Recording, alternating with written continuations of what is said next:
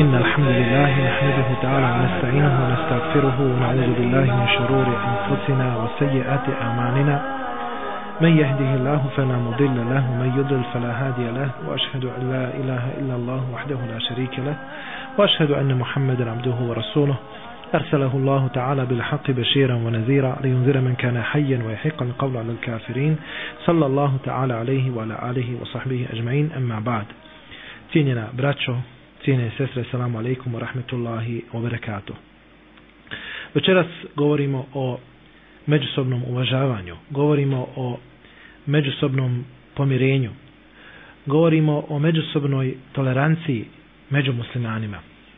To je i tekako važna tema u ovim našim tegobnim vremenima, kada dolazi do različitih previranja, razmirica među muslimanima i kada to bude razlog da izgubimo snagu, da naše jedinstvo oslabi i tako neprijatelj protiv nas povede borbu.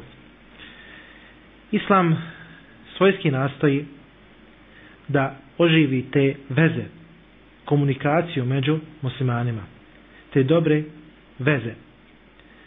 Islam nastoji da dokrajeći svaku vrstu razjedinjenja, Islam zabranjuje svaku vrstu razmirica koje se mogu desiti među muslimanima.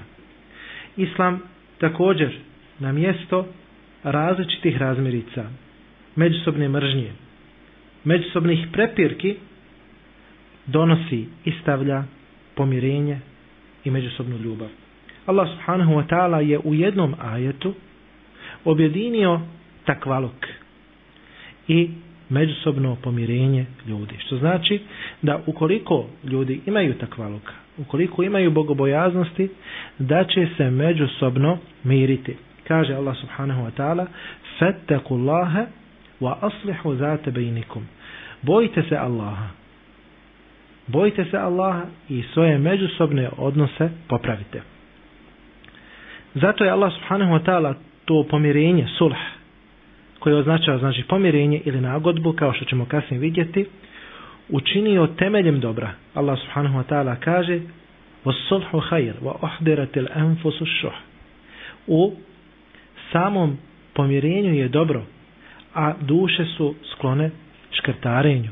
To jeste duše ne vole da se mire. Kada dođe do, već do a, samih razmirica, va One su sklone škrtosti u samome pomirenju.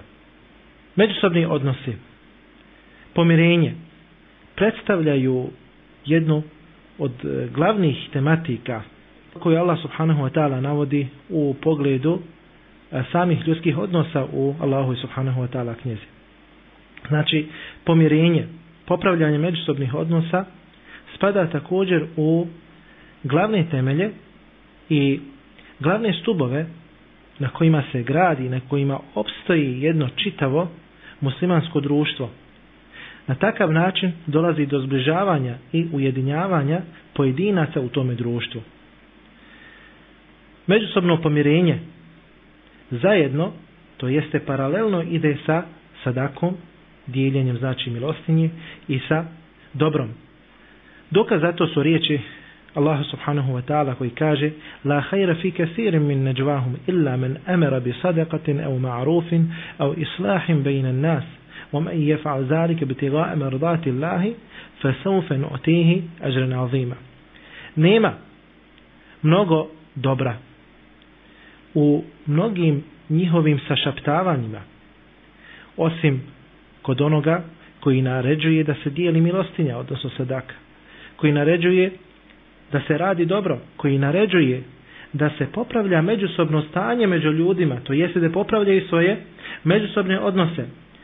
وَمَنْ يَفْعَلْ ذَلِكَ بِتِغَاءَ مَرْدَاتِ اللَّهِ A onaj ko to čini, želijeći Allahu subhanahu wa ta'ala zadovoljstvo, فَسَوْفَ نُؤْتِيهِ أَجْرًا عَظِيمًا Mi ćemo mu dati veliku nagradu. Također u sunnetu poslanika alaihi salatu navodi se hadis koji prenosi Ebu Hureyre radijallahu anhu. Kullu selama minan nasi alehi sadaqa. Za svaki izglob ljudi imaju sadaku ili daju sadaku.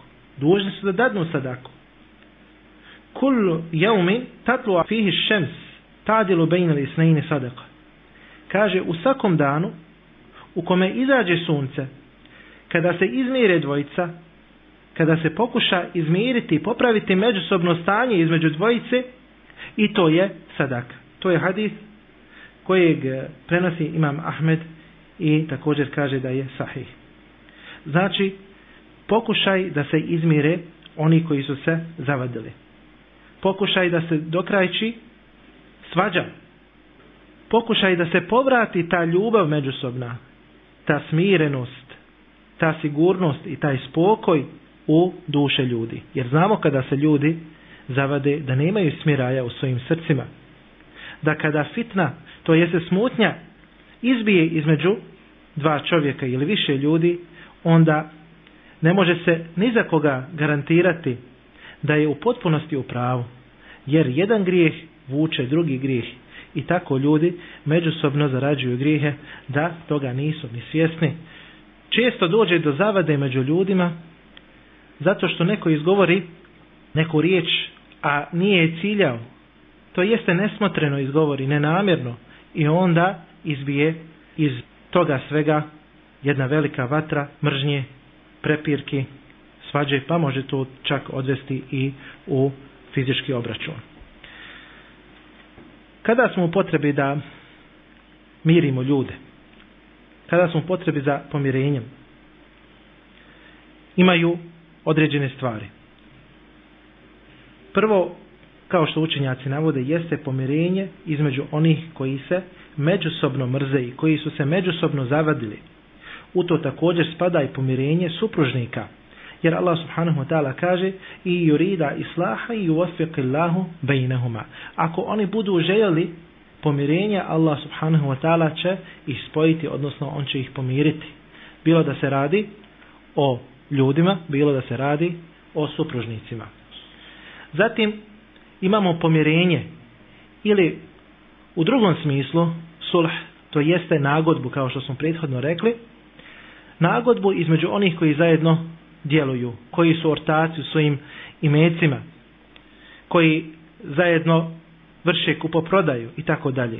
Pa se onda nagode oko određenih stvari, to jeste izmire se, dođe do nagodbe jer Allah subhanahu wa ta'ala kaže sulhu hajr. I pomirenje je dobro. U pomirenju je dobro. Zatim, pomirenje između onih koji su u rodbinskim odnosima. Između rođaka, jer Allah subhanahu wa ta'ala kaže Fettekullaha wa aslihu zata bejnikum. Vi se bojite Allaha i popravite međusobne odnose. Naravno, to se najprije odnosi na one koji su dužni da čuvaju međusobne odnose koji su najpreći tome, a to su svakako oni koji su u rodbinskim odnosima. Zatim imamo pomirenje ili nagodbu kada dođe do određenih fizičkih oštećenja, na primjer na čovjeku, na njegovome tijelu. Na primjer da dođe do fizičkog obračuna među ljudima ili da dođe također, na primjer, do nekih nesreća kao što su saobraćajne nesreće i tako dalje. Pa se ljudi međusobno nagode, to jeste oni se izmire i onda više jedni drugima ne zamire. Zatim imamo pomirenje između dvije grupacije. Grupacije koja napada, to jeste buntovnička grupacija i grupacije koja je pravedna. Znači, ovo pomirenje može biti na nivou, na primjer, država, na međudržavnom nivou, kada dođe znači do sukoba između država, a može biti između određenih grupacija. Allah subhanahu wa ta'ala kaže وَإِن طَائِفَتَانِ مِنَ الْمُؤْمِنِينَ اقْتَتَلُوا فَأَصْلِحُوا بَيْنَهُمَا فَإِن بَغَتْ إِحْدَاهُمَا عَلَى الْأُخْرَى فَقَاتِلُوا الَّتِي تَبْغِي حَتَّى تَفِيَ إِلَى أَمْرِ اللَّهِ Kaže, ako se dvije grupacije vjernika, vjernika sukobe. Pa onda ih izmirite. Pa ako jedna napadne drugu, vi se borite protiv one koja napada. Sve dok se ne povrati Allahovoj naredbi. Pa kada se povrati, onda ih pomirite, to jeste te dvije grupacije. bil adli, wa aksitu inna Allahe yuhibbul muqsitin. Vi ih pomirite i to pravedno, upotrebljavajući one pravedne principe. Wa aksitu i budite pravedni. Sprovodite pravdu, jer Allah subhanahu wa ta'ala voli one koji sprovode pravdu. Zatim, jedan drugi dogovor, jedno drugo primirje, jedna druga nagodba koja je bila poznata u historiji Islama, a to je dogovor o džizi, odnosno glavarini, između islamske vojske koja osvaja između onih koji su osvojeni. To je bilo poznato. Također, primjer najbolji za to jeste dogovor koji je zaključen između halife muslimana Omera ibn Khattaba radijallahu anhu i stanovnika Bejtul Maqdisa, odnosno današnjeg Jerusalema. Zatim imamo općenito pomirenje između svakoga muslimana, između jednog muslimana i drugog muslimana. Kao što kaže Allah subhanahu wa ta'ala innama muminuna fa aslihu bayna Uistinu su vjernici braća, samo su vjernici braća. Fa aslihu bayna ikhawaykum i pomirite vaša dva brata koja su se zavadila. Znači međusobne razmirice su razlog da dođe do cjepkanja redova muslimana da dođe do cjepkanja ovoga ummeta, da se počne razilaziti na različite strane, bilo da se radi o pitanjima Dunjaluka ili pitanjima Ahireta, bilo da se radi o pitanjima vjere ili da se radi o pitanjima ovoga Dunjaluka. I to sve privlači neprijatelja koji nastoji da ovlada ovim ummetom i onda kada uđe u dubine ovoga ummeta, zavlada ovim ummetom, ovlada ovim ummetom, bez obzira bio to onaj neprijatelj kojeg mi vidimo ili se radilo o neprijatelju koji je skriven, a taj neprijatelj koji je skriven se naziva šeitan. Zato je Allah subhanahu wa ta'ala naredio da žurno nastojimo da se međusobno mirimo, da pomirujemo ljude i pomirenje ljudi Allah subhanahu wa ta'ala ubraja u jedan od znakova dobra.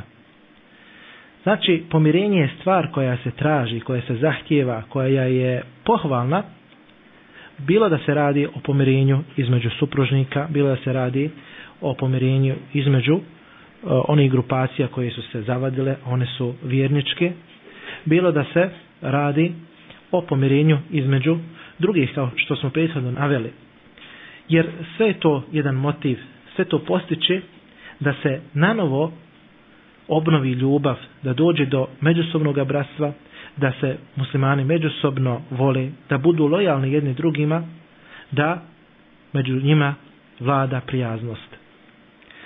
Allah subhanahu wa ta'ala u šerijaskim tekstovima, Kur'anu i poslanih sallallahu alaihi wasallam u hadisima postiče na pomirenje od sredstava ili načina da nekoga pomirimo, a to su načini koji nas postiču na to, koji nas motiviraju, jeste i ono što je navedeno u hadisu od Ummu Kulsum, kćerke Ukbea ibn Ebi Muajta radijallahu anhuma, u oba sahiha se to navodi, to jeste u sahihu buhari i muslimu. Kaže poslanik sallallahu alaihi wasallam lejse al alladhi yuslihu nas fe yakulu hajren au yunammi hajren nije lažac nije lažav onaj koji miri ljude pa kaže dobro ili to dobro malo uveća zatim kaže Ummu Kulsum nisam čula da je poslanik sallallahu alejhi ve sellem u čemu dao olakšicu u pogledu laži, osim u tri stvari. El harbu, wal islahu bejna nas, wa hadithu rajul, imra'atahu, wa hadithu mr'ati, zauđaha. U ratu, znači dozvoljeno je slagati, mi ćemo vidjeti kasnije da to nije ona prava laž, nego se ta laž naziva simulacijom, odnosno tevrijom. Da se pređu neke činjenice, da se prijeđe preko njih, a zatim da se ciljano traži druga činjenica tako da bi onaj koji sluša shvatio da se samo radi o tome. Znači nije to prava laž u pravom smislu riječi. Znači dozvoljeno je to koristiti teoriju, odnosno dozvoljeno je koristiti to što se naziva lažju u ratu jer je rat varka kao što kaže poslanik sallallahu alaihi ve wal islah bejne nas prilikom pomirenja među ljudima i kada čovjek se obraća svojoj ženi i kada se žena obraća svome mužu. Znači ta teorija, ta simulacija, da se zaobiđu neke činjenice kako bi se osoba uputila na određenu činjenicu i mislila da je to u stvari to, a u stvari nije, a nismo znači direktno slagali, se može koristiti u ovim okolnostima i to se naziva ta rid, odnosno simulacija, odnosno ako možemo u nekom smislu riječi reći da se to zove kod nas jeziku umotavanje. Allah subhanahu wa ta'ala pogled toga najbolje zna. Zatim, draga braćo,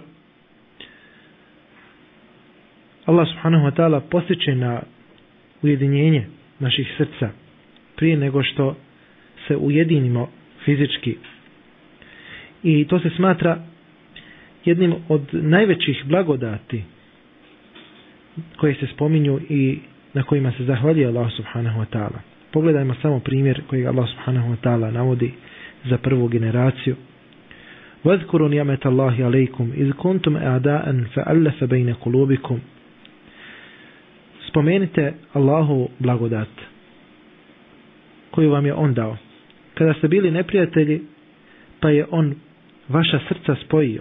فَأَصْبَحْتُمْ بِنِعْمَتِهِ إِخْوَانَ I vi ste postali Allahovom blagodati braća, wa kuntum ala šefa min nar i bili ste na rubu to jeste vatre fa minha pa je Allah subhanahu wa ta'ala spasio iz vatre kedalike yubayyinu Allahu lekum ajatihi la'allekum tehtedun tako Allah vama objašnjava podrobno svoje ajete, svoje dokaze la'allekum tehtedun ne bili ste vi bili na uputi, ne bili ste bili upućeni.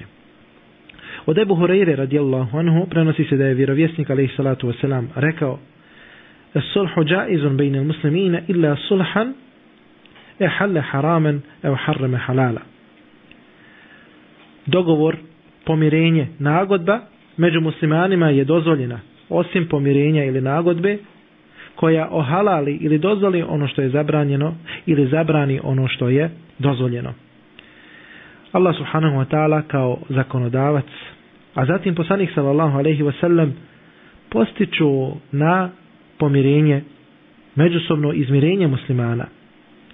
To jeste da se popravi ono što je dovedeno u nered, u anarhiju. I to se može desiti u određenoj zajednici muslimana. Želi se ovim tekstovima ugasiti ta vatra međusobne mržnje Želi se postići dogovor, a dogovorom dolazi do prekida razmirica između onih koji se pozivaju da su oni u pravu, koji zagovaraju da je pravo na njihovoj strani između onih koji se brane. Time se prekidaju znači sve razmirice. Od Ebu Darda radijallahu anhu prenosi se da je Allahu poslanik sallallahu alejhi ve sellem rekao: "Ela uhbirukum bi afdal min darajati salati o sijami, o sadaka. Hoćete li da vas obavijestim o boljem stepenu nego što je namaz, nego što je post, nego što je sadaka, odnosno milostinja. Rekli su, Bela ja Rasulallah, svakako Allahu poslaniće, pa reče Islahu zatil bejn, međusobno pomirenje, izmirenje muslimana, pa kaže poslanik sallallahu alejhi ve sellem: "Fa inna fasada al-bayn hiya al Neizmireni odnosi. Anarhija u međusobnim odnosima muslimana do krajčuje sve, kaže poslanik sallallahu alejhi ve sellem. Kada poslanik sallallahu alejhi ve sellem spominje ovdje namaz, kada spominje post, kada spominje milostinju, naravno da se misli na dobrovoljna djela, na dobrovoljnu E, sadaku na dobrovoljni post, na e, dobrovoljni namaz. Jer nema ništa bolje od onih farzova, odnosno obaveza koje čovjek izvrši kako je Allah subhanahu wa ta'ala to naredio. Također e, učenjaci tumačeći ovaj hadis su rekli da je popravljanje međusobnih odnosa bolje od svih ovih nafila kada se one objedine. Od nafile posta, sadake i namaza zajedno. Zato što u međusobnom izmirenju ljudi postoje velike koristi. Te koristi su ovo dunjalučke i ahiretske. Te koristi daju plod međusobne saradnje među muslimanima, međusobnog pomaganja, prijaznosti i ujedinjenja na haku, odnosno na istini i u dobro. Zatim, putem pomirenja međusobnog odbija se svako zlo, neprijateljstvo, nepodnošljivost između pojedinaca, između porodica, između određenih zajednica, pa čak i između država. Tako, znači, dolazi do međusobnog pomirenja među svim stanovnicima ove planete.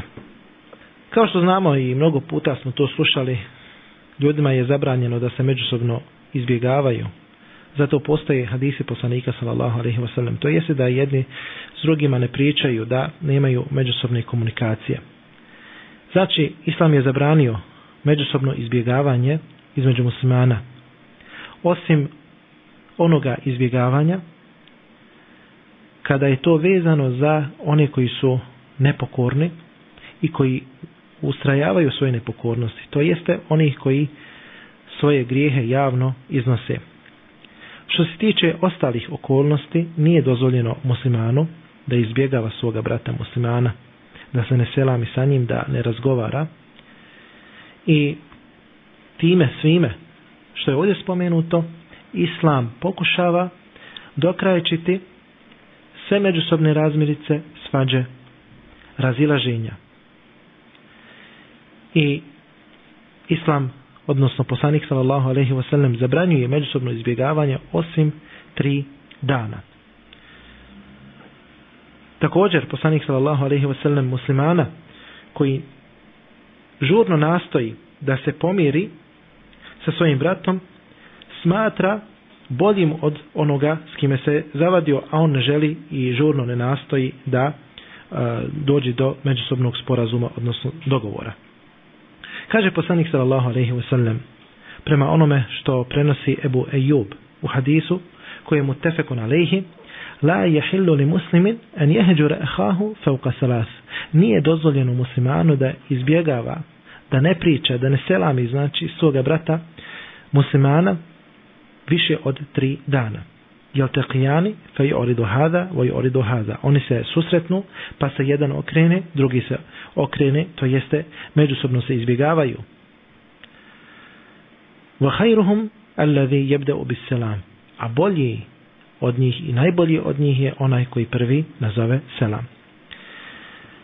Zatim, Islam toliko potencira izbjegavanje ovih stvari koji dovode do međusobne netrpeljivosti i razmirica, tako da se kaže u jednoj predaji da čovjeku neće biti primljena njegova dobra djela sve dok se ne izmiri sa svojim bratom. Kaže poslanik sallallahu alejhi ve sellem: uredu amanu nasi fi kulli jum'ah." Djela ljudi se izlažu svake sedmice dva puta. Jomel isnaini o jomel hamis. I to ponedjeljkom i četvrtkom. Fe li kulli abdin mu'min i oprašta se svakom robu vjerniku illa abden bejnehu o bejne ehihi šahna osim roba muslimana koji sa svojim bratom muslimanom ima nekih problema, ima međusobnih razmirica, oni nisu u dobrim međusobnim odnosima. Yuqalu utruku hazeini hatta jefija. I kaže se i reč, e, za ove dvije osobe koji su se E, posvađale, između kojih je došlo do različitih razmirica, ostavite njih, to jeste njihova dijela se ne podižu, ostavite ovu dvojicu sve dok se njih dvojica ne izmire. Zatim, poslanik sallallahu alejhi ve je najoštrije upozoravao da šeitan ne uđe među muslimane, pa je rekao inne šeitane kad je ise en jabudehu el musallun šeitan je izgubio nadu da će ga obožavati klanjači, to jeste da će mu se ljudi klanjati na Arabljanskom polostrvu.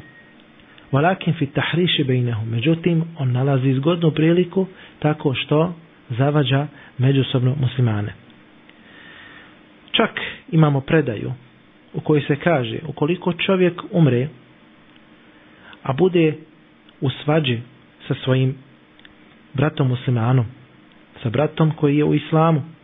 Ući će u vatru. Znači prije nego što se izmire, jedan od njih umre, a ne budu imali znači jakog motiva jakog razloga da se ne izmire, bit će u vatri. Kaže poslanik sallallahu alejhi ve sellem u hadisu kojeg prenosi imam Ebu Davud. La yahillu li muslimin an yahjura akhahu fawqa Nije dozvoljeno muslimanu da izbjegava svoga brata više od tri dana. Pa ko bude izbjegavao femen hađara fevka ko bude izbjegavao više od tri dana, femate dehalan nar i umre, uče u vatru. Neka nas Allah subhanahu wa ta'ala od toga sačuva. Zatim, izbjegavanje biva samo povodom nekih šarijetskih prekršaja. Znači, dozvoljeno da izbjegavaš čovjeka samo zbog nekih šarijetskih prekršaja kao kada čovjek javno promovira različite novotarije ili javno izvršava grijehe, pokazuje ih pred drugima i slično tome. U suprotnom nije dozvoljeno izbjegavati i ne pričati sa bratom muslimanom. Također, svi učenjaci Islama su se usaglasili da nije dozvoljeno muslimanu da izbjegava svoga brata muslimana verbalno, to jeste da ne priča sa njim, kada se susretne više od tri dana.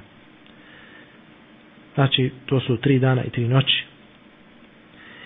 Osim u slučaju da se čovjek pribojava kada sretne toga muslimana, da ukoliko bude pričao sa njim, da će mu upropastiti njegovu vjeru. To jeste da mu može ubaciti neke sumnje u njegovo srce.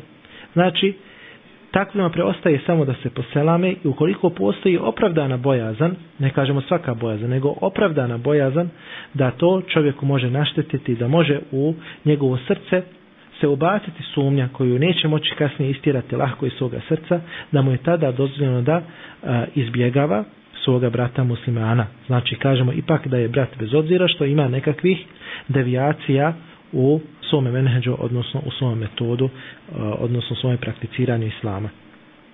Ili se također pribojava da će mu donijeti neke stvari, bilo da se radi o dunjaluškim ili ahiretskim stvarima koje će mu naštetiti. Znači vezano za pitanja dunjaluka ili ahireta. U tim slučajevima je dozvoljeno čovjeku da izbjegava druge, kao što se prenosi u komentaru Sahihu muslima i kao što se e, prenosi u Fethul Bario. Allah subhanahu wa ta'ala u pogledu toga najbolje zna. Zatim, čovjek je dužan da voli svoga brata muslimana. Dužan je da voli svome bratu muslimanu ono što voli i samome sebi. Zato neće se upotpuniti imam čovjeka, neće njegov iman biti potpun, neće biti savršen, sve dok ne bude volio svojoj braći vjernicima ono što voli i samome sebi. Allah subhanahu wa ta'ala kaže innemel muminuna ikhwa. Samo su vjernici braća. Kaže Ibn Kasira rahimahullahu ta'ala to jeste svi su braća u vjeri kao što kaže Allah subhanahu wa ta'ala el muslimu ehul muslim la jazlimu musliman je brat muslimanu neće mu nanositi nepravdu, nećemo nanositi nepravdu, nećemo nanositi zulum, neće svome bratu praviti različite smisalice, neće svoga brata iznevjeriti. Također u sahihu se prenosi da je poslanik sallallahu alejhi ve sellem rekao: "Wallahu fi auni al-'abdi ma kana al-'abdu fi auni akhihi." Allah subhanahu wa ta'ala je na ispomoći robu, to jeste muslimanu, dok rob pomaže svoga brata. To je znači jedna velika odlika i gotovo da se islam jedino odlikuje ovom odlikom. Jedino da ova velika vjera ima ovu odliku međusobnog poštivanja među svojim pripadnicima. Jer muslimani su jedan umet, Oni zajedno obitavaju oni ujedinjuju svoje srca, spaje svoje srca. Spajaju se, objedinjuju se na ljubavi prema dobru, međusobnom pomaganju, međusobnom preporučivanju dobra, međusobnom preporučivanju sabora, kao što se kaže u jednoj od sura. Zatim, ova stvar nije lahka, draga braća. Znači, ostvariti međusobno povjerenje, međusobnu ljubav, tako dalje. Međutim, Pošto Islam to od nas zahtjeva, pokušavamo to prakticirati. Jedino je, kao što vidimo, u Islamu to moguće ostvariti. Zato ćemo danas vidjeti mnoga društva koja su se udaljila od učenja Islama. U tim društvima ima različitih razmirica, ima mnogo sektašenja, mnogo partijašenja, mnogo različitih društvenih slojeva. Imamo mnogo apartheida, odnosno imamo znači razlika koje su se napravile među pripadnicima jednoga društva na osnovu boje kože, na osnovu jezika. Zatim, sve te razmirice upropaštavaju trud ljudi. Jednostavno ljudi gube svoju čvrstu namjeru. Slabi se snaga jednoga umeta ili jednoga naroda. Znači, ovi problemi koji danas imamo u ovom današnjem savremenom svijetu su veoma zastupljeni, a to je znači borba između tih društvenih slojeva i razlikovanje ljudi po boji, razlikovanje po koži. To su uistinu najveći problemi koji se danas nalaze u svijetu i s kojima se savremeni svijet bori. Međutim, u islamskom svijetu ili tačnije rečeno islamskom društvu, muslimanskom društvu, nećemo naći mnogo toga. Međutim, ako zamislimo ono društvo koje je prije bilo za vrijeme hilafeta i za vrijeme pravednih halifa, vidjet ćemo da je ono potpuno suprotno onome što se tada događalo i što se danas događa.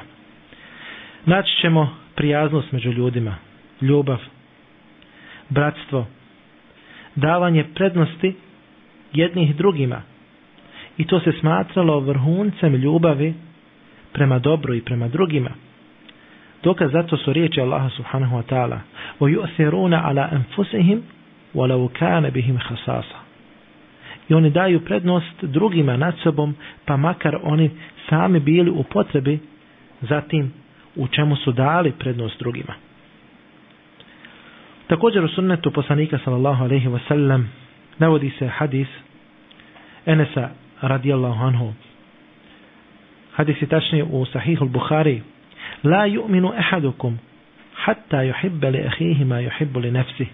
Neće niko od vas vjerovati dok ne bude svome bratu volio ono što voli sebi.